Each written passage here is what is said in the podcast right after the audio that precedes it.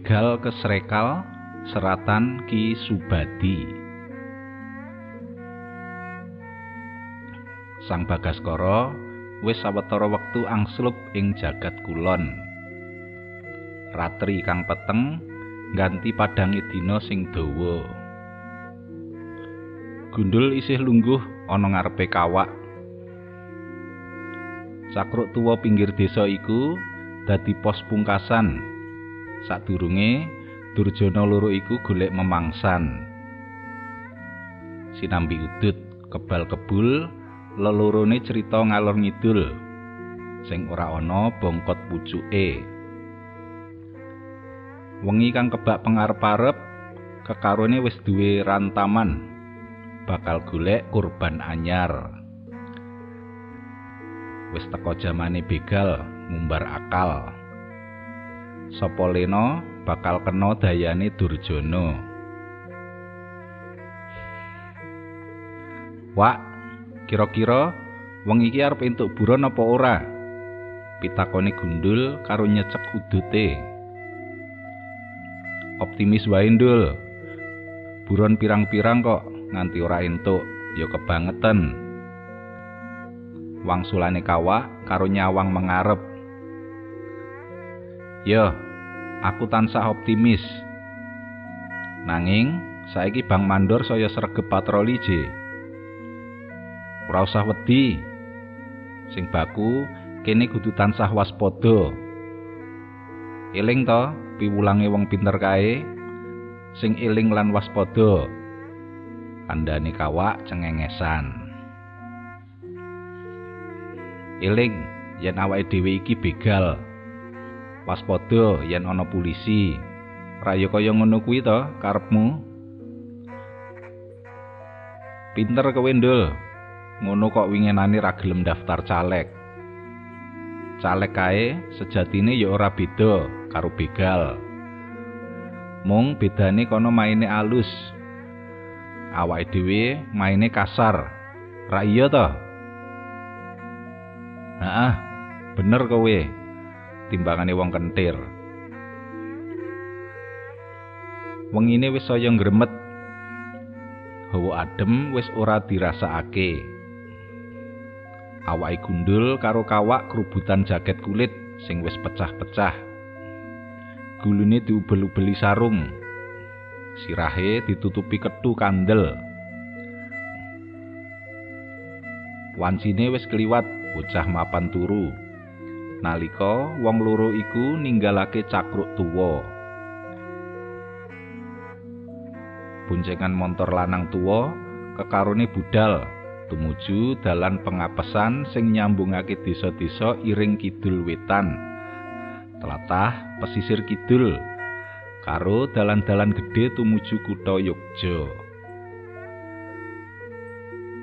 Ana puntuk dalan munggah bubar iku dalane mudhun.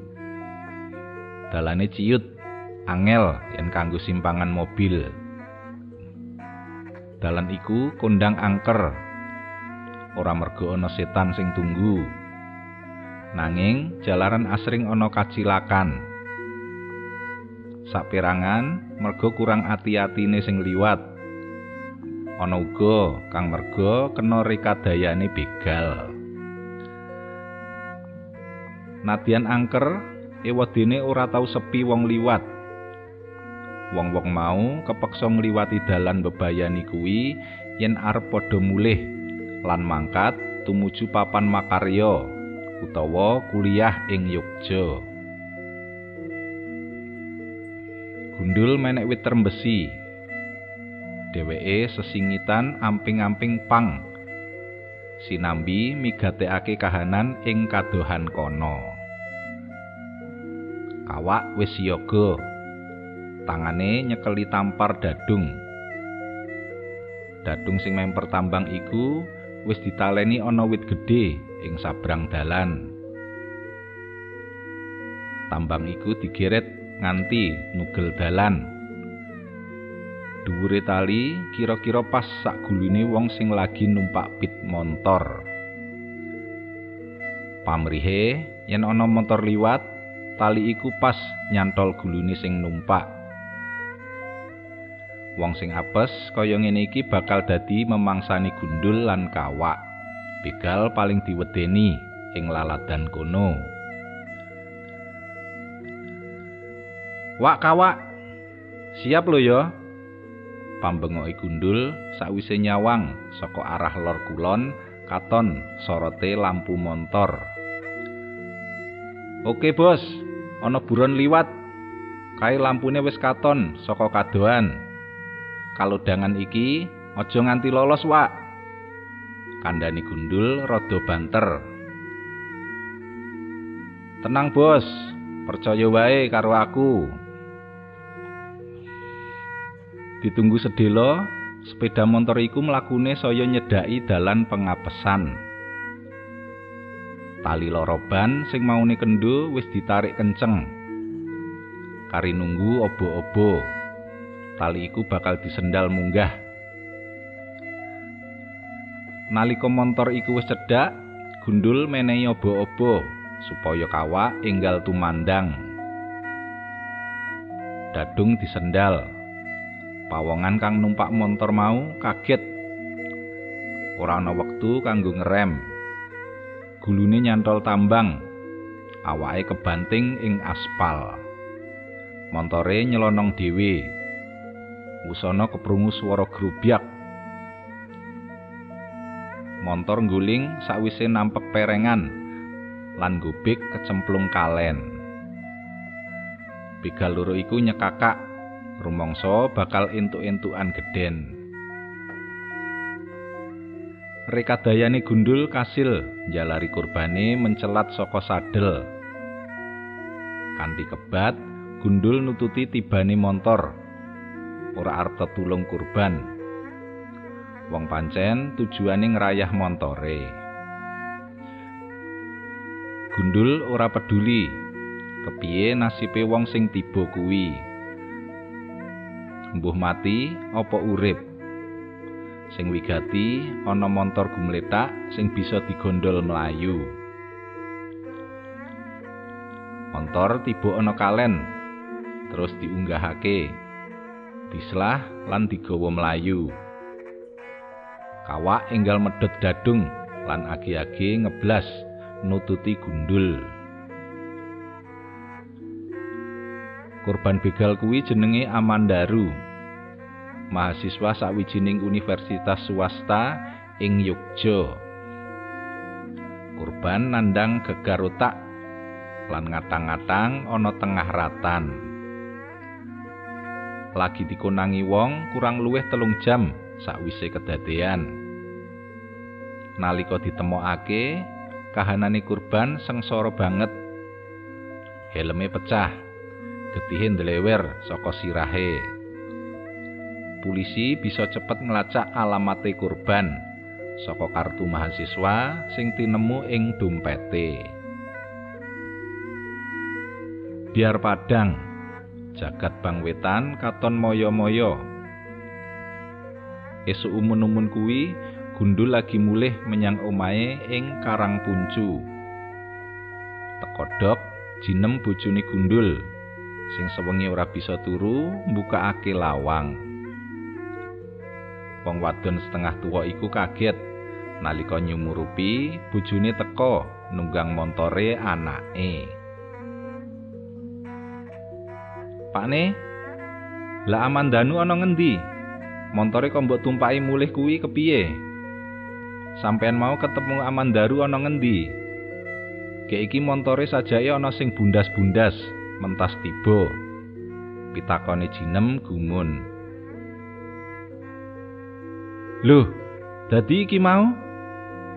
Wangsulane gundul geradulan. Piye, Pakne? Ana apa kok malah bingung? Endi bocahe? Ah, iki lelakon apa? Ah, mumet aku mbokne. Ndasku keliyangan, kandhane gundul karo kelumah-kelumah ana ndipan. Gundul ora bisa nerusake omongane. Panone sumrepet. Rasane kaya mentas disamber bledek. Ora ngira yen sing dibegal mau bengi pranyata Amandaru, anake lanang dhewe. kahanane peteng dedet gundul ora kober nyetitekake kurbane mahasiswa semester pitu iku lagi ngadani panaliten ing telatah Gunung Kidul yen rancak kudune kurang saka setahun Amandaru wis nggondol gelar sarjana. Gundul nangis ngaruwara durung ilang gumune nyumurupi sing lanang lemes. Jinem kaget. Dene ana polisi lan perawat rumah sakit gumruduk mara. Menapa leres menika dalemipun Amandaru? Pitakone polisi inggih Pak. Kula biyungipun Amandaru. Anak kula kenging menapa? Pitakone jinem selak ora seronto. Ngaturi pirsa bilih dalu menika wau Amandaru dipun panggihaken. Gumletak wonten pinggir margi. Sajaipun nembe kacilakan. Samenika piyambakipun dipun rawat wonten rumah sakit anakku ngger anakku Amandaru gek piye kowe ngger? Yujinem jerit-jerit kekitrang. Tangga teparo padha gita-gita mara mertakake apa sing kedadean? Polisi kaget. Jalaran montore Amandaru ditemokake ana omah kono. Kanthi kahanan bundas lan beset kahanan saya umyek awit warsana gundul ujug-ujug semaput. Kanthi nalurine kang tajem polisi wis bisa aweh dudutan. Lamun Amandaru dadi kurban begal kang ditindakake bapake dhewe. Paseksene tangga teparo saya mikuwati. Yen gundul pancen asring lunga bengi. Tanpa kinawruhan apa sing dilakoni ing jaba kono sakwise diupakara gundul pungun-pungun tangi. Nanging dumadaan lambene perot. Awake mati separo. Gundul kena serangan stroke. Dheweke enggal diplayokake menyang rumah sakit. Sauntara kuwi, kahanane Amandaru ora saya becik. Rong dina sakwise dirawat ing rumah sakit, Amandaru tinggal donya. warta duh iku enggal sumebar. Pawarta ngenani amandaru sing dibegal bapake dhewe iki saya nuduhake yen para begal wis saya wangkal. Laku durjana saya ndodro sambang dalan ngombro-ombro ing sadengah papan dina-dinane jinem sang saya peteng. Ngadepi kasunyatan iki dheweke mung bisa pasrah mring kahanan.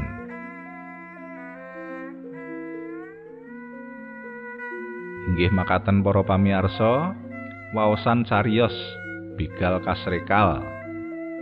Seratan Ki Subadi.